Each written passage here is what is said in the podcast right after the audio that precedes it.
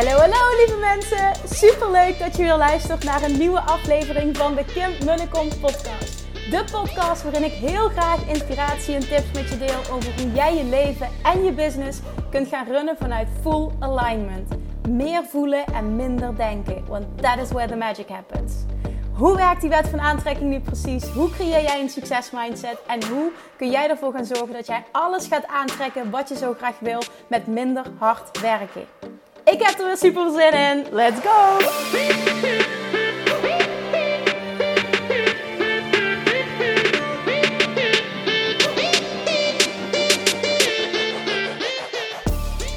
Hallo lievertjes. Super leuk dat je weer luistert. I know, ik zeg het elke week, maar ik blijf het toch zeggen.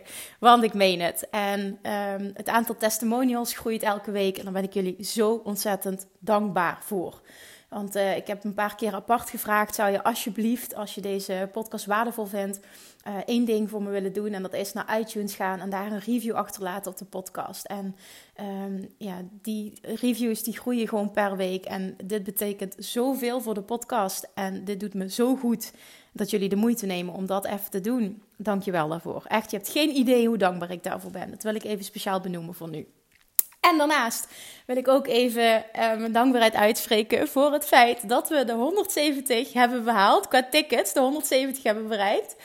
Uh, voor het event. Over twee weken wordt het Master Geld manifesteren. Het komt nu wel heel dichtbij. En dat weet ik, omdat ik volle bak uh, ermee aan de slag ben met dingen bestellen. Uh, uh, ja, ik kan natuurlijk niet vertellen wat ik aan het doen ben, maar ik heb er behoorlijk wat werk mee. Maar het wordt super vet. En er zijn dus 170 tickets al weg. En hoe fantastisch is dat? Hoe vet is dat? Ik realiseer me dat gewoon echt de hele tijd. Vorig jaar, november, denk ik dat het was, of oktober, sprak ik uit: ik wil graag spreken voor grote groepen. En wat er daarna gebeurd is, is niet normaal magisch. Ik werd toen meteen al gevraagd door iemand, uh, zonder dat ik had gezegd dat ik dat wilde, maar dat, die intentie had ik gewoon uitgezet. Uh, werd ik al gevraagd door een andere ondernemer om voor uh, een groep, een klantengroep van haar te spreken, een groep klanten, sorry. En daarna in januari mijn eerste eigen event, waar 75 mensen waren en, en waar meer dan 75 mensen wilden komen, maar ik had gewoon alle tickets uitverkocht, wat ik nooit verwacht had. Echt bizar, echt bizar. Wat, echt bizar, letterlijk, wat Law Attraction kan doen als jij een verlangen uitzendt zonder weerstand. Dat is wel hoe ik het nu zie.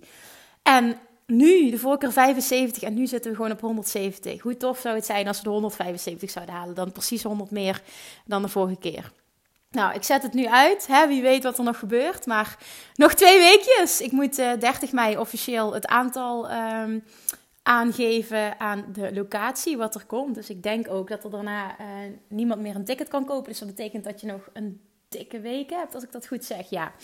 Dus ja, als je nog wilt komen, jongens, dan, dan zorg dat je er nog bij bent. Maar het wordt sowieso magisch.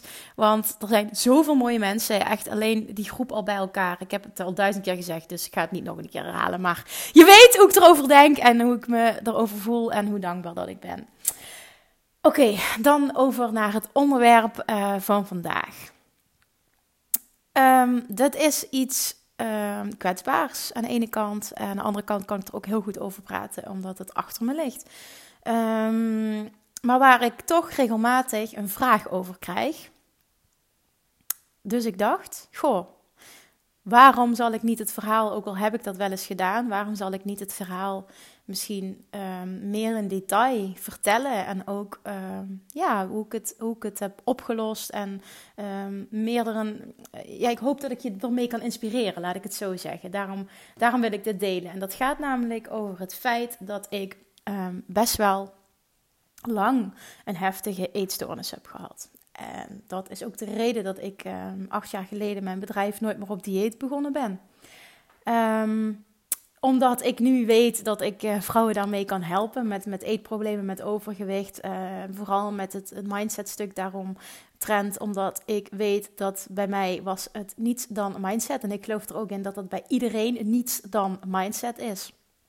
Um, ja, laten we bij het begin beginnen. Um, ik, um, ik als kind uh, heb ik denk ik, als ik eerlijk ben, als ik terugkijk, nooit super lekker in mijn vel gezeten. Ik heb me nooit echt op mijn plek gevoeld. Ik hoorde er ook nooit echt bij. Ik had wel vriendinnetjes, maar op de een of andere manier voelde het nooit 100% lekker. Misschien herkent iemand zich daarin. Um, ik wilde ook altijd het liefst alleen zijn, maar dat werd als raar ervaren. Dus ja, ga maar spelen met vriendjes en vriendinnetjes, want dat hoort zo. Um, gewichtsproblemen heb ik niet gehad als kind zijnde. Dat eten was ook nooit een ding. Ik kan me dat niet herinneren dat het ooit een ding was eigenlijk. Ik uh, kon voor mijn gevoel ook eigenlijk wel alles eten en ik was toch slank. Zo voelde dat in ieder geval. En uh, als ik nu foto's terugkijk, dan denk ik, ja Kim, je was ook gewoon slank. En uh, toen ging ik naar de middelbare school. En um, nou, daar zag ik wel dat ik dan wat dikker werd, zeg maar. Dat zie je nu in schoolfoto's terug. Klein beetje, ook niet veel. Maar dat zal ook misschien wel wat met hormonen te maken of whatever. Dit er ook niet toe. Maar ook in de brugklas, hele middelbare schoolperiode, als ik 100% eerlijk ben, heb ik totaal niet lekker in mijn vel gezeten. Ook daar voelde ik me er totaal niet bij horen. Ik, eh, ik haalde mijn eigen waarde uit de cijfers die ik haalde. Dus ik was echt een, een nerd, zoals je dat zou kunnen noemen. Ik, uh, ik, was altijd de beste van de klas in de meeste vakken. Ik haalde altijd de hoogste cijfers. Ik heb het gymnasium gedaan. Uh, met, met een, ja, misschien wel de beste cijfers, het beste rapport altijd. Ik ging altijd voor een 10. En ik had het gevoel, dat was niet zo. Ik zeg even heel duidelijk, ik had het gevoel dat um, mijn ouders dat ook heel erg van mij verwachten. En dat minder dan dat gewoon niet oké was. Niet dat ik per se een 10 moest halen, maar meer dat het wel eens is gebeurd. En dat is niet verkeerd bedoeld. Dus echt, uh, ik wil hier niemand mee aanvallen, want het is vooral ook hoe ik het heb geïnterpreteerd, uiteraard. Als ik dan uh, thuis kwam, uh, dat een keer een 7 had. En dat dan echt gezegd werd van, wow, heb je niet goed geleerd of zo. Dus ja, dat was waar ik me aan vast kon houden. En, en dat goede cijfers haalde, daar, daar koppelde ik mezelf vertrouwen aan. Daar haalde ik mezelf vertrouwen uit. Want dat haalde ik namelijk niet uit um, hoe ik eruit zag. Of dat ik erbij hoorde, hè, de persoon die ik was. Of mijn uiterlijk, totaal niet zelfs. En um, wat ook nog eens zo was, dat ik, de, het zes gymnasium was het volgens mij, vijf gymnasium na allebei, de hele middelbare schoolperiode, was ik het enige meisje ook van de klas um, die geen make-up droeg. En ik, ik weet nog gewoon dat, dat andere meisjes wel eens vaker aan mijn haren zaten te trekken. Want ik had ook altijd mijn, mijn haren vast in een staart. Um, omdat ik het niet los durfde doen. Want ik heb best wel mooie haren, dat kan ik nu zeggen. Ik heb echt wel mooie haren, maar ik durfde het gewoon niet los te doen. Ik durfde geen mascara op te doen. Ik durfde geen make-up op te doen. En ik zat gewoon, ik voelde me gewoon helemaal niet lekker in mijn eigen vel. Laten we het daarop houden. Ik had heel weinig zelfvertrouwen. En dan zaten ze wel vaker aan mijn staart te trekken. En doe je haren nou eens los. En oh, je hebt zo'n mooie wimpers. Oh, als je een beetje make-up op zou doen, dan zou dat nog mooier zijn. Oh, ik hoor het nog allemaal en krijg vooral het gevoel, kan ik nog steeds oproepen wat daarbij hoorde. Het was niet fijn. Nou, en in die periode, toen ik 16 was, toen zat ik, uh, ging ik naar de vierde klas. Zeg ik dat goed? Ja, volgens mij zeg ik dat goed, ja. Um, toen, uh, in de zomerperiode, toen um, zijn mijn ouders gescheiden. En ik zal niet zeggen dat ik dat niet heb zien aankomen. Want de sfeer bij ons thuis was nou niet bepaald lekker. Uh, maar het is evengoed heel pijnlijk en een enorme klap voor je als kind. En ik denk dat het nooit leuk is als kind. Maar ik heb het ook nog eens als op die leeftijd als heel moeilijk ervaren. Omdat ik al met mezelf in de knoop zat. En uh, toen kwam dat er nog eens bij. Wat heeft geresulteerd in het feit dat ik een dikke vette eetstoornis ging ontwikkelen. Ik kon namelijk niet meer mijn eigen waarde volledig, um, of me goed voelen, dat ik het zo zeggen, halen uit de cijfers. Uh, ik denk wat ik ging doen is de pijn die ik voelde verdoven. Door zoveel te eten tot ik misselijk was. En dan ging mijn focus naar het misselijke gevoel in plaats van de pijn die ik voelde van de scheiding van mijn ouders. Als ik nu terugkijk, is dat wat ik gedaan heb. En kan ik dat ook zo zien dat ik dat zo gedaan heb. Want ik kon namelijk gewoon dwangmatig, het was gewoon dwangmatig. Ik kon niet stoppen met eten tot ik kostmisselijk was. Het moest. Of dat er een stemmetje in mij was die mij dwong tot, tot, tot eten tot ik kotsmisselijk was. Ik genoot daar niet van. Het was niet fijn. Ik frat ook echt alles door elkaar heen. Ook nog stiekem ging ik de, de kast in, de kelderkast, zoals zij dat thuis noemde, als niemand er was. En dan keek ik gewoon wat er was. En dat ging van boterhammen, toastjes, naar koekjes, naar chocolade, dropjes, naar fruit. Ik duwde chips, alles tegelijk. Ik duwde alles naar binnen. Tot het punt dat ik misselijk was. Want ja, dan was de pijn weg en dan kon ik, uh, kon ik me focussen op het misselijke. Of in ieder geval, dan was het misselijke gevoel dominant. En dat was minder erg dan de pijn die ik voelde uh, de, van het verdriet van de scheiding. En dat werd steeds erger en erger en erger. En een meisje, ik dus als meisje wat nooit een probleem had met mijn gewicht, had ineens een heel groot probleem. En dat uitte zich ook, want ik was echt in no time kwam ik 10 kilo, meer dan 10 kilo kwam ik aan. En dat zag je ook heel erg aan mij. Uh, vooral in mijn gezicht en uh, buik en, en ja, nou goed, doet er ook verder niet toe. Maar je zag het, je zag het gewoon. En ik kan me ook nog heel goed herinneren dat ik mijn vader toen een tijdje niet heb gezien. En dat ik hem toen weer zag. En ik heb een hele goede band met mijn vader. Hè? Dus ook daar wil ik even geen misverstand over laten bestaan. Maar dat hij toen tegen mij zei. En dat heeft hij nooit zo bedoeld. Maar zo kwam het wel over. Letterlijk. Ju, wat heb jij een dikke kop gekregen? Zei hij tegen mij. Oh my god, dat, dat moment kan ik me nog herinneren. Ik weet nog waar hij het zei, waar ik stond. Oh man, ik ging door de grond. Het was verschrikkelijk. En dat maakte het alleen nog maar erger. Mijn moeder die ging zeggen: Goh, Kim, zou je niet eens gaan opletten? Goh, Kim, nee, dat zou ik niet meer doen. Want wat ik namelijk deed, ik, eh, als ik uit school kwam, school was verschrikkelijk. En dan was ik eindelijk thuis en dan voelde ik me veilig. En om dan die pijn maar weer weg te eten, had ik dus elke dag na school een Mars ice cream. Standaard, elke dag. Niet af en toe, maar elke dag. Naast al het snoepen wat ik nog eens deed. Hè? Maar dat, dat zag zij verder niet echt. Maar dat, dat die Mars ice cream wel. Goh, zou je daar niet eens mee stoppen? Of dat ze een keer riep van ja je stopt het ook allemaal zelf in je mond. Ik zou maar stoppen met die Mars ice cream. Maar dat ging niet. En mensen met een eetstoornis of een eetprobleem of whatever, die snappen wat ik bedoel. Dat ging niet. Die gedachten in mijn hoofd en vooral de gevoelens daaraan gekoppeld, die waren zo sterk. Ik kreeg het gewoon niet geregeld. Hoe graag ik het ook wilde. Ik als kindje toen van 16, 17, 18, 19, dat heeft jaren geduurd namelijk. Ik kreeg het niet geregeld. En dat duurde en dat duurde en dat duurde en dat duurde. En wat ik ging doen, omdat ik zo gefrustreerd was, is dat ik heel veel ging diëten. En dat betekende dat ik uh, mezelf ging uithongeren. En um, dat is een periode geweest dat ik, dat ik uh, op drie appels op een dag leefde. En dat had het gevolg dat ik zelfs flauw viel. En alles om snel resultaten te behalen. Want ik schaamde me zo enorm. Ik werd dus nog onzekerder. Ik schaamde me. Ik kwam bijna de deur niet meer uit. Het was echt verschrikkelijk. En was ik dan moddervet? Nee, als je terugkijkt, dan zie je niet iemand die moddervet was. Wel iemand die super ongelukkig was en, en ontevreden over zichzelf en onzeker en niet lekker in de vel. En ik denk dat het daarom gaat. Als jij ook voor iedereen die wil afvallen, hè, het gaat niet om wat een ander daarvan vindt en of jij volgens de maatstaven te dik bent. Het gaat erom hoe jij je voelt, hoe jij in je vel zit. Iemand die 10 kilo zwaarder is dan mij nu, die kan zeggen: Ik zit lekker in mijn vel. Terwijl als ik datzelfde zou wegen, zou ik zeggen: Ik voel me moddervet, ik ben onzeker, ik ben niet de beste versie van mezelf. En dat is volledig oké. Daar mag niemand een oordeel over hebben. Dat merk ik ook vaak um, als klanten zich aanmelden van nooit meer op dieet nu. Dat ze wel eens vaker tegen me zeggen. Ja, ja weet je, en, en je zal wel denken, goh, wat stelt hij zich aan? En dan zeg ik ook altijd, nee, ik denk nooit, wat stelt hij zich aan? Want ik weet hoe het voelt om niet lekker in je vel te zitten. En het boeit niet of je volgens de maatstaven overgewicht hebt, of dat een ander vindt, of dat jij wel of niet oké bent. Het gaat erom wat jij vindt. En dat is alles. En het enige dat telt. Nou, ik ging dus allerlei diëten doen. Um, ik noem het op en ik heb het gedaan. Nou, zo erg zal het niet zijn, maar ik heb er wel heel veel gedaan. Maar het ging vooral in het extreme. Dus echte diëten. En dan zat ik op de korte, op het uithongeren. Ja, dat hou je natuurlijk niet vol. Maar in die staat, dan wil je zo snel mogelijk zoveel mogelijk afvallen. En dan denk je, als ik maar stop met eten of zo min, min mogelijk naar binnen werk, dan moet dat lukken. Nou, dat ging dus helemaal de verkeerde kant op. Daar heb ik ook heel veel van geleerd. En um, dat ging zelfs zo ver dat toen mijn moeder, uh, ik, ik, ben toen met de scheiding bij mijn moeder blijven wonen samen met mijn broertje. Uh, en mijn moeder heeft een nieuwe partner gekregen. En die waren toen een keer in de zomer op vakantie. Dat ik, uh, ik schaam me er ook echt voor dat ik dit nu vertel eigenlijk. Maar ik ga even heel erg open kaart spelen. Dat ik zelfs um, zo ver ging dat ik mijn broertje um, naar de apotheek stuurde. Ik kan dat goed nog herinneren. Want volgens mij moest hij daarvoor naar de dokter, de apotheek daarbij. En dat ik hem stuurde om uh, laxeertabletten voor mij te halen. Want ik slikte dus ook gewoon heel veel laxeertabletten. Hè, als ik dan weer een vreedbui had gehad, dan uh, meende ik dat ik het op die manier kon compenseren. Het was echt verschrikkelijk. Ik uh, ging dwangmatig sporten totdat ik moest kotsen. Dan had ik, me, had ik weer een eetbui gehad en dan meende dat ik uh, moest gaan sporten. Maar ja, als je zo vol zit, wat denk je dat het lichaam met je doet? Dus dan moest ik overgeven. Ja, het is echt vreselijk. Ik ben een keer flauw gevallen op de tennisbaan, een keer flauw gevallen in de trein.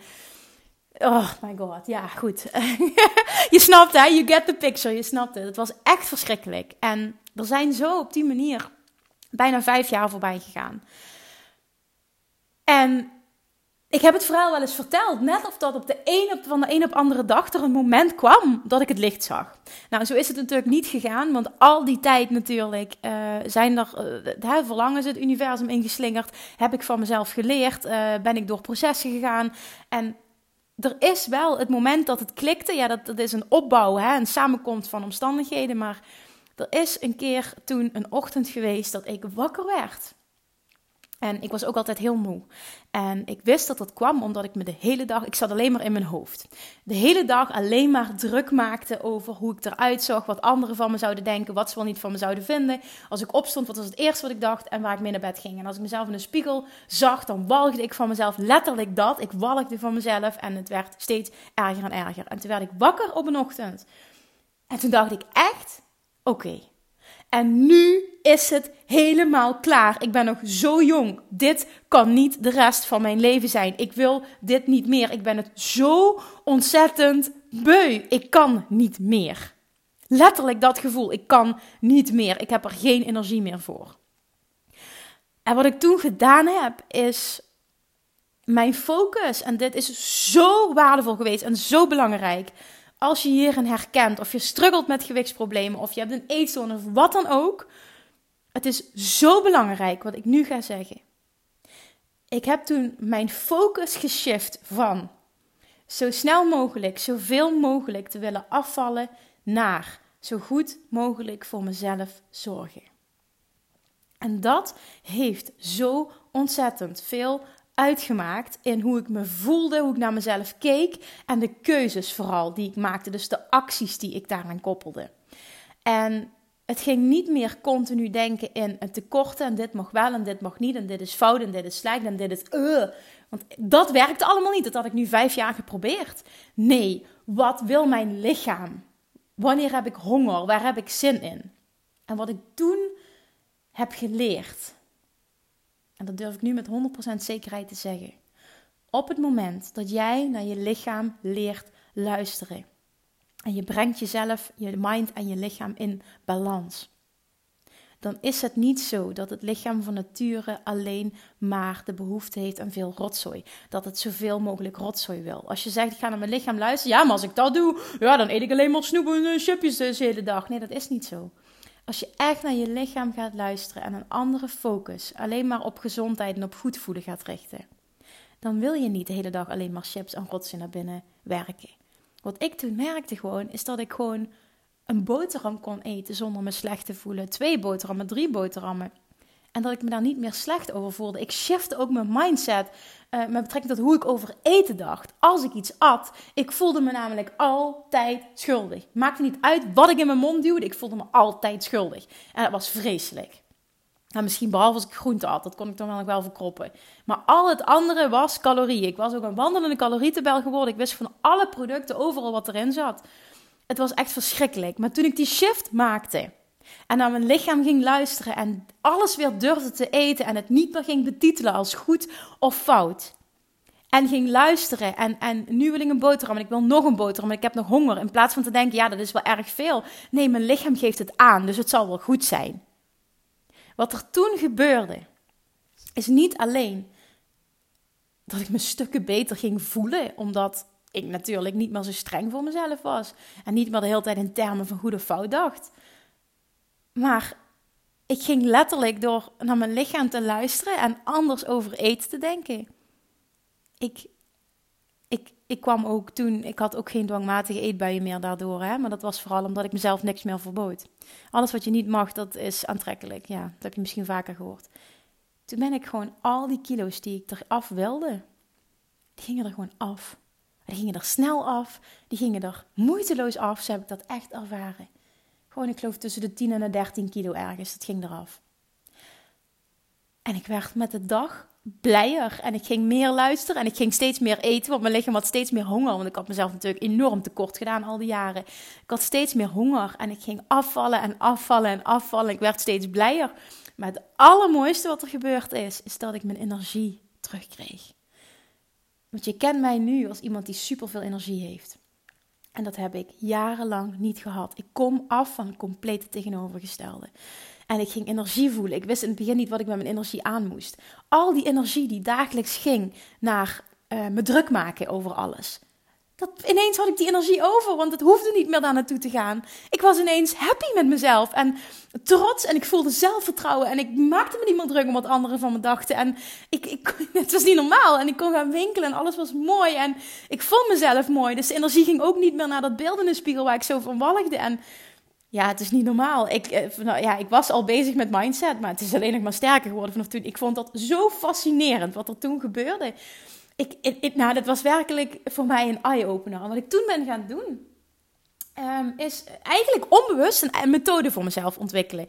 En dat was dat ik er een sport van maakte hoe ik mijn eigen stofwisseling zo hoog mogelijk kon maken. Want ik wist, als ik een hoge verbranding heb, kun je ook vet veel eten en kom je niet aan. Dus hoe kan ik dat doen? En dat heb ik toen, dat, dat, stond nergens in een boek. Dat is echt iets van mij persoonlijk geweest.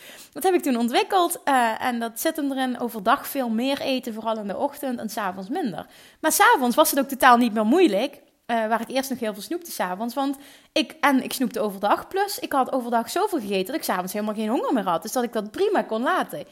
En toen nou, heb ik dat, dat ontwikkeld, zeg maar. Ben ik er ook mee in de slag gegaan. Toen ben ik er ook onderzoek naar gaan doen. En toen bleek ook dat je het veel beter is voor je slaap. Als je stofwisselingsslag rust, rust krijgt. Dat je een veel dieper slaap komt. Dat je veel energieker wakker wordt. En ja, het klopte allemaal ook wat ik erover las. En, en toen uh, hoorde ik een keer van ontbijt als een uh, keizer, lunch als een prins en diner als een bedelaar. En dat is een eeuwenoud principe. En ik dacht, ja, maar dat is precies wat ik doe. En dat is precies hoe ik het zie. En dat is dan mijn principe, uh, hoe ik het noem, mijn stofwisseling optimalisatie. zo, dat klinkt wel cool, hè? Zo heb ik dat ontwikkeld toen.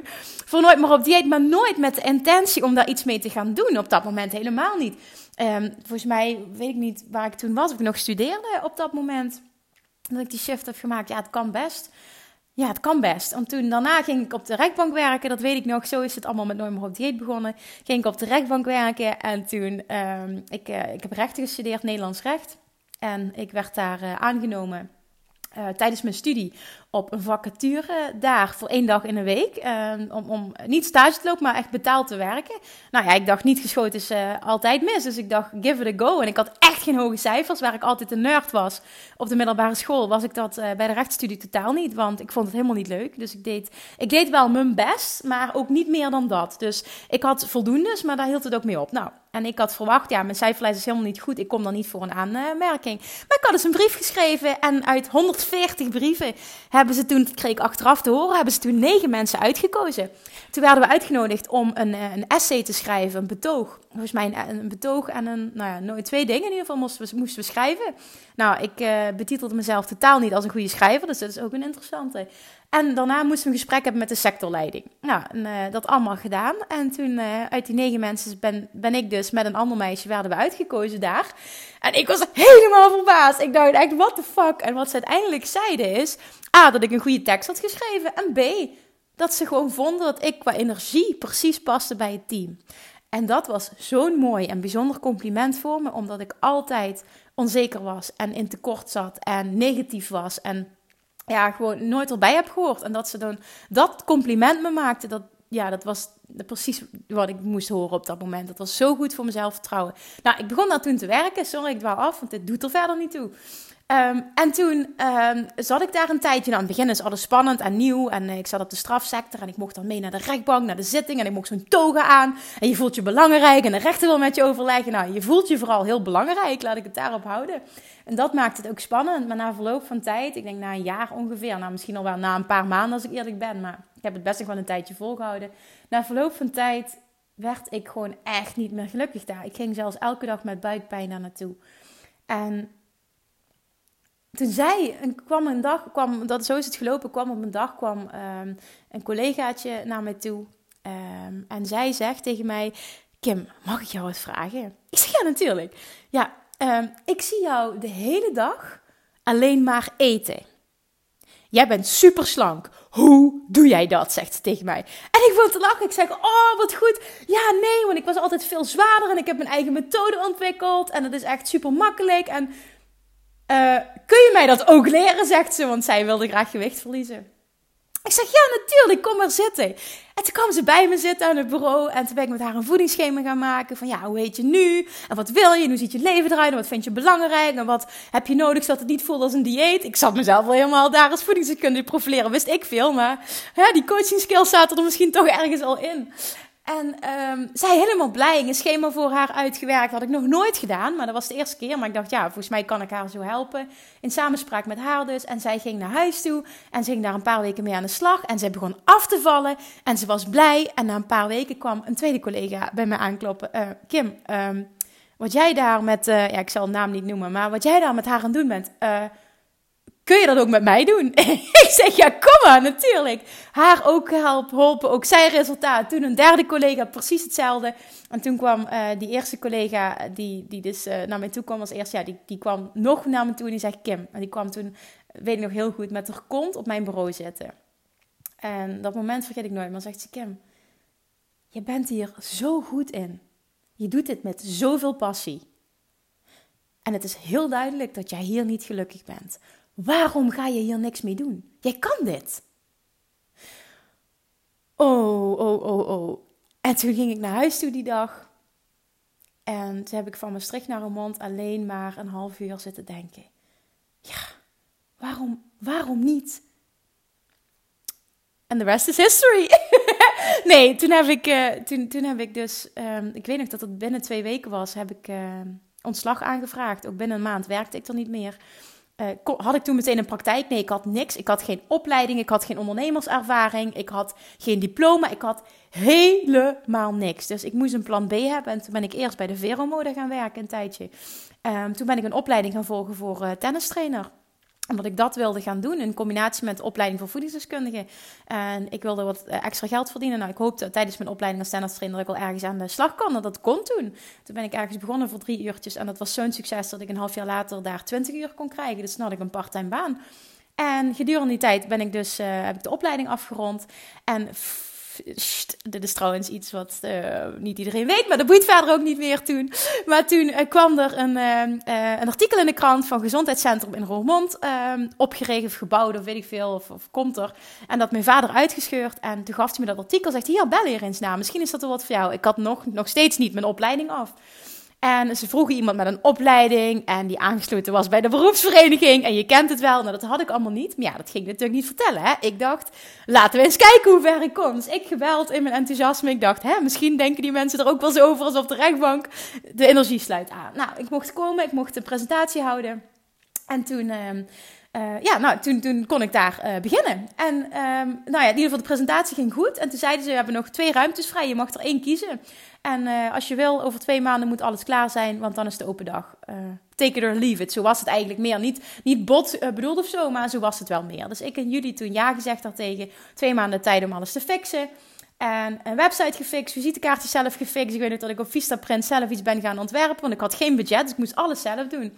En uh, ruimte ingericht samen met mijn vader, laminaat gelegd, uh, tweedehands uh, spullen gekocht via Marktplaats. Het enige wat ik toen nog met mijn laatste spaargeld heb gekocht, is een hele dure, accurate, hele dure uitgebreide weegschaal van 1700 euro volgens mij. En toen was het ook gewoon op, toen had ik niks meer. Uh, van Tanita. Want ik wist, als mensen bij mij komen, dan wil ik ze dat bieden. En dan wil ik ze iets bieden wat ze niet thuis hebben. Los van mijn capaciteit als coach wil ik ze ook iets extra's kunnen geven. Dat voelde heel sterk als iets wat ik moest doen. Nou, dat heb ik gedaan. En daar moet ik nog wel bij benoemen, want dat zie ik nu als iets wat super belangrijk echt en een voorwaarde voor het succes is geweest. Dat ik er altijd in heb geloofd dat het een succes zou worden. Ondanks dat iedereen om mij heen, mijn vrienden, mijn ouders, familie, iedereen op de tennisbaan, kan ik me dat ook nog herinneren, iedereen zei dat het niet zou lukken. En wat ik wel niet met mijn hoofd had gehaald. En, en dat er te veel concurrentie was. En dat ik uh, stomme keuze maakte. En dat ik een goede baan. Uh, dat ik recht had gezet. Ik heb een universitaire opleiding. Wat ben ik toch gaan doen? Bla bla bla bla. Nou, en ik heb altijd in mezelf geloofd. Ik wist waarom niet. En inderdaad, hè, die persoon op de rechtbank zei ook van je bent er goed in. Waarom ga je er niks mee doen? Nou, en toen um, was alles klaar. En toen was het september en het was de open dag. En, en, en ondertussen had ik nog steeds geen ondernemerservaring. Al had ik er geen idee van dat dat nodig was op dat moment. Ik was heel naïef. Ik heb toen ook een huurcontract getekend uh, van twee jaar. Uh, zonder, zonder dat ik een klant had. Zonder dat ik ja, buiten de tennisles, zonder dat ik inkomsten had. En Oh, als je terugkijkt, denk je Kim, Kim, Kim, Kim, Kim. Maar ik ben blij dat ik het allemaal gedaan heb, want het was vanuit het vertrouwen. En toen, uh, nou, toen was die open dag. En toen uh, dacht ik daarna van, uh, let's go, hè, de klanten kunnen komen. Nou, je denkt toch niet dat er één iemand was. Niet dat ik niet goed genoeg was, maar dat er, dat er iemand was die dan klant wordt. Daar is wel wat meer voor nodig, ben ik toen achtergekomen. En dat was toen even, de dag erna heb ik toen een lichte, want dat vertel ik ook volgens mij in mijn allereerste podcastaflevering over mijn verhaal heb ik toen een, uh, een, een, een, een lichte eh, paniekaanval gehad. Nou ja, super licht was hij niet. Wel een beetje een paniekaanval gehad. Dat ik ochtends dus naar de praktijk ging en daar ging zitten. En dat toen ineens tot me kwam dat ik dacht, wat de fuck heb ik gedaan?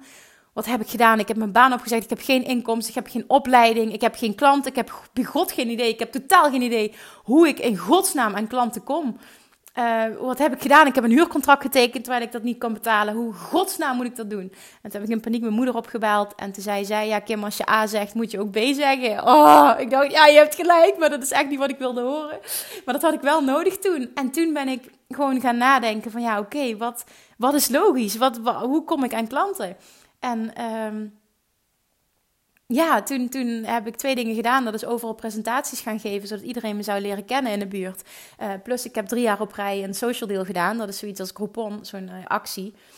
En toen is het gaan lopen. Toen kwamen de eerste klanten. En toen, uh, toen werd het via mond-op-mond reclame, want ze boekten resultaat. Nou, die brachten weer nieuwe mee. En ja, toen werd gewoon het Nooit meer op dieet. Ik heette toen Food and Lifestyle. Werd gewoon echt een ding. En, en toen heb ik dus mijn eetstoornis kunnen gebruiken nu als ik achteraf. Ik ben zo blij dat ik dat, dat mogen ervaren in mijn leven.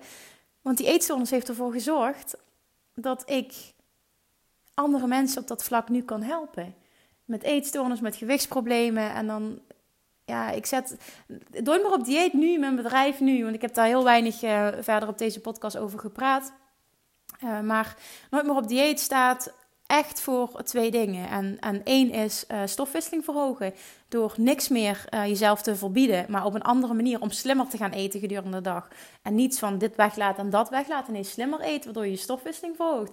In combinatie met, ik ben, ja, dat durf ik wel van mezelf te zeggen, ik ben super, super, super sterk op mindset. En motivatie en law of attraction.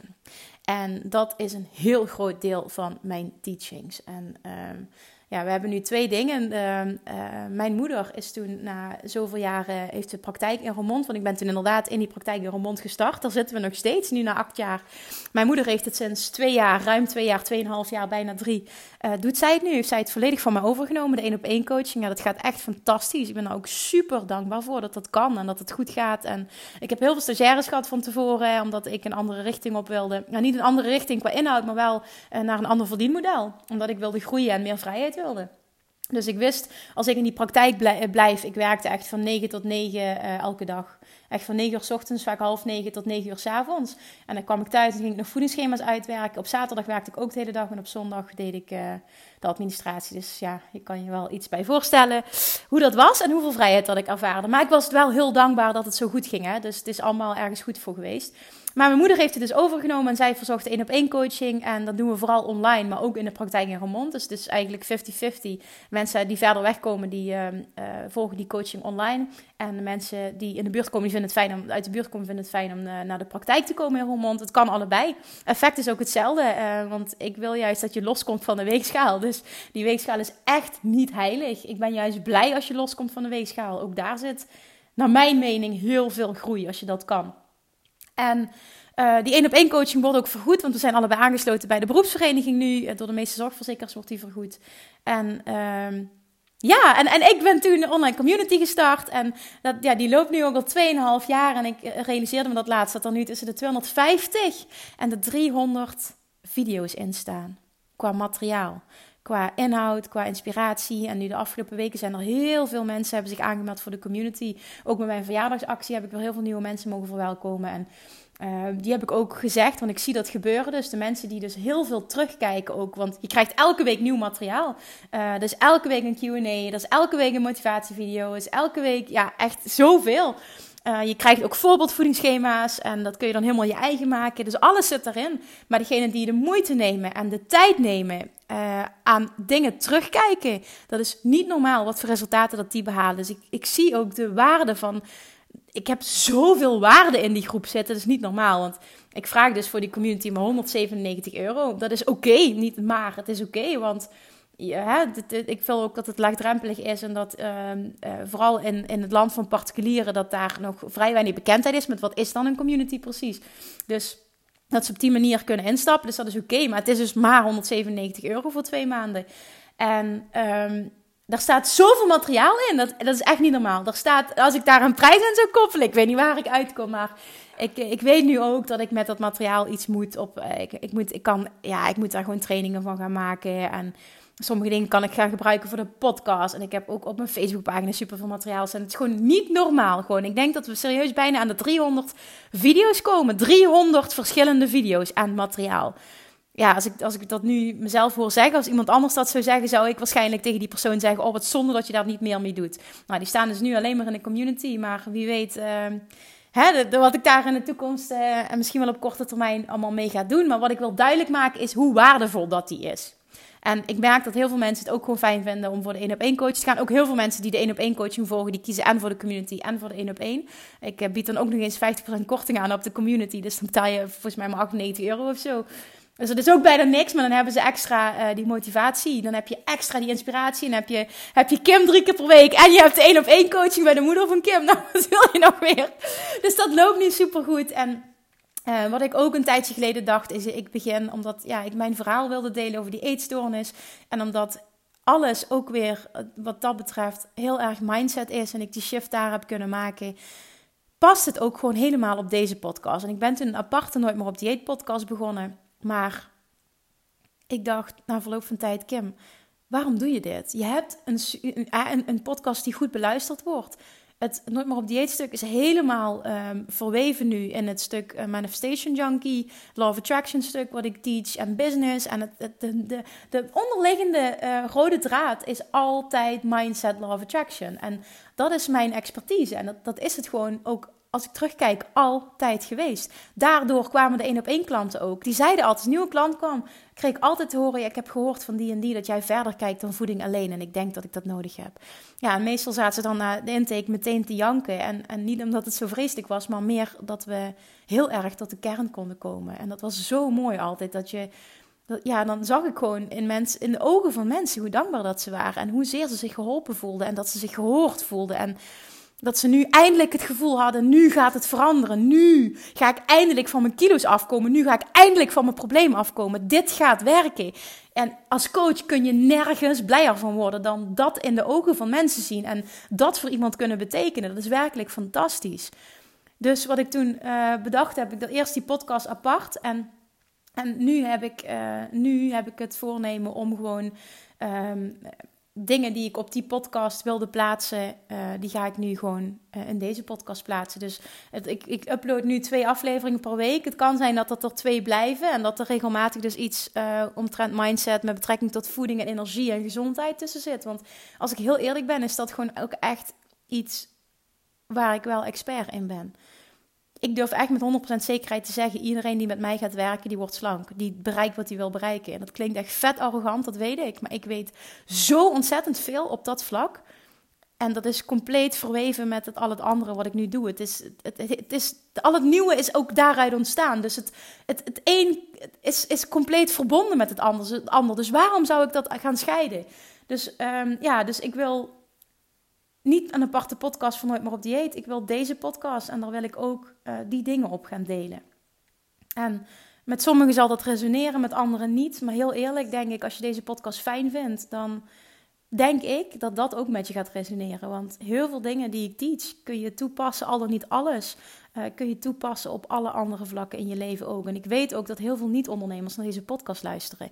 Ook al praat ik heel veel over business en over ondernemerschap, maar de principes die ik teach, die kun je op alle andere vlakken in je leven ook toepassen. En ik zie namelijk heel veel overeenkomsten tussen uh, met mensen met wie ik werk, uh, van nooit meer op dieet en ondernemers. En in de basis komt het allemaal op hetzelfde neer. En Waarom zou je dat gaan scheiden als je op deze podcast, als ik mensen nog, nog dieper, als ik jullie nog op een diepere laag mee kan nemen? Want ik geloof er heel sterk in, ook als ondernemer, kun jij niet optimaal presteren En de allerbeste versie van jezelf zijn. Op het moment dat jij niet 100% lekker in je vel zit. Als jij je niet 100% fit en energiek en in het lichaam zit waar je in wil zitten. Daar geloof ik echt heel sterk in.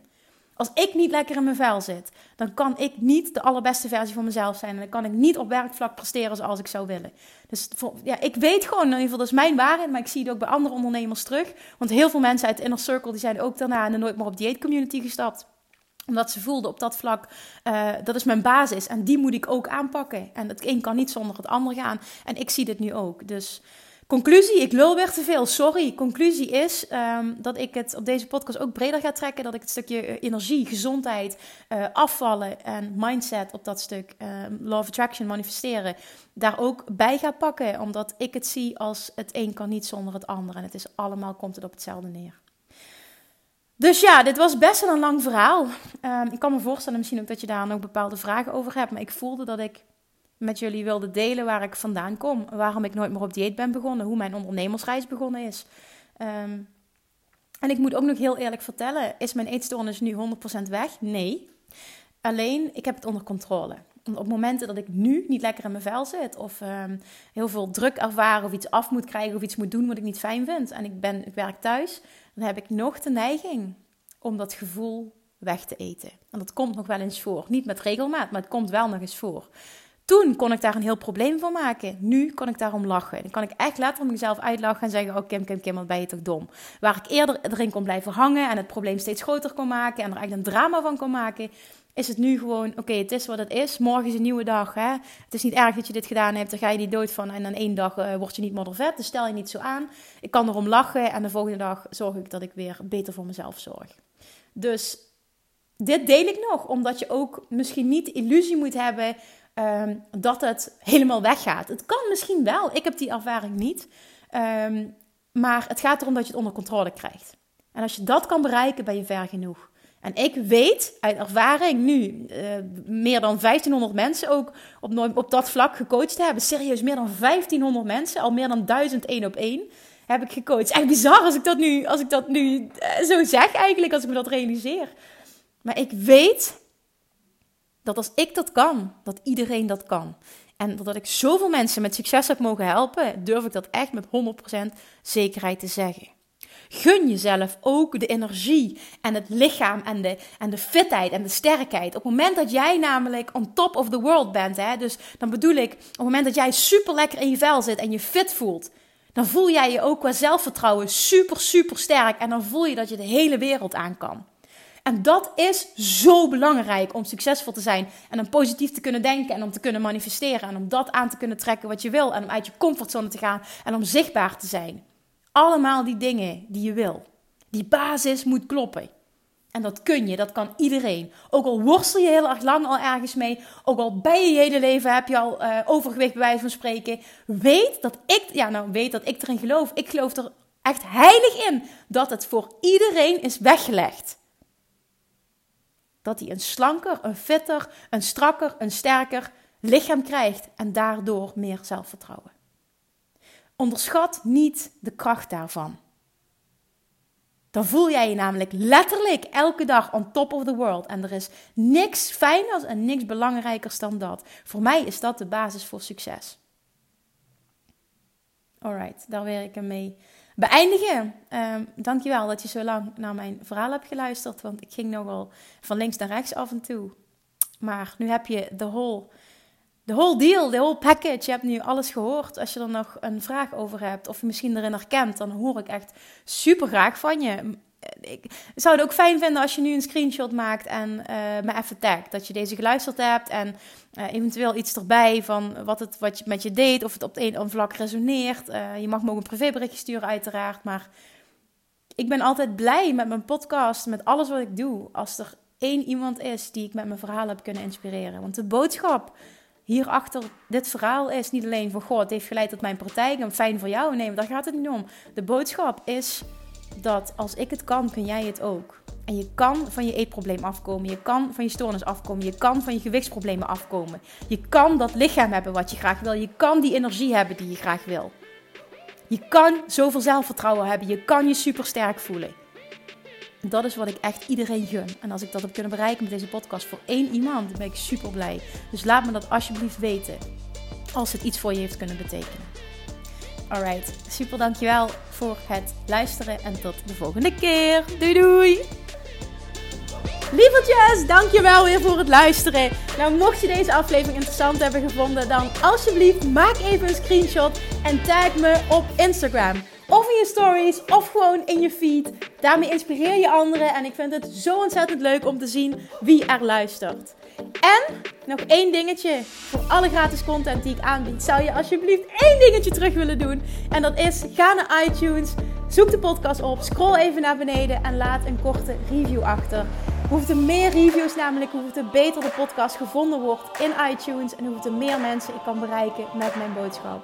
Super, super dankjewel alvast. En tot de volgende keer.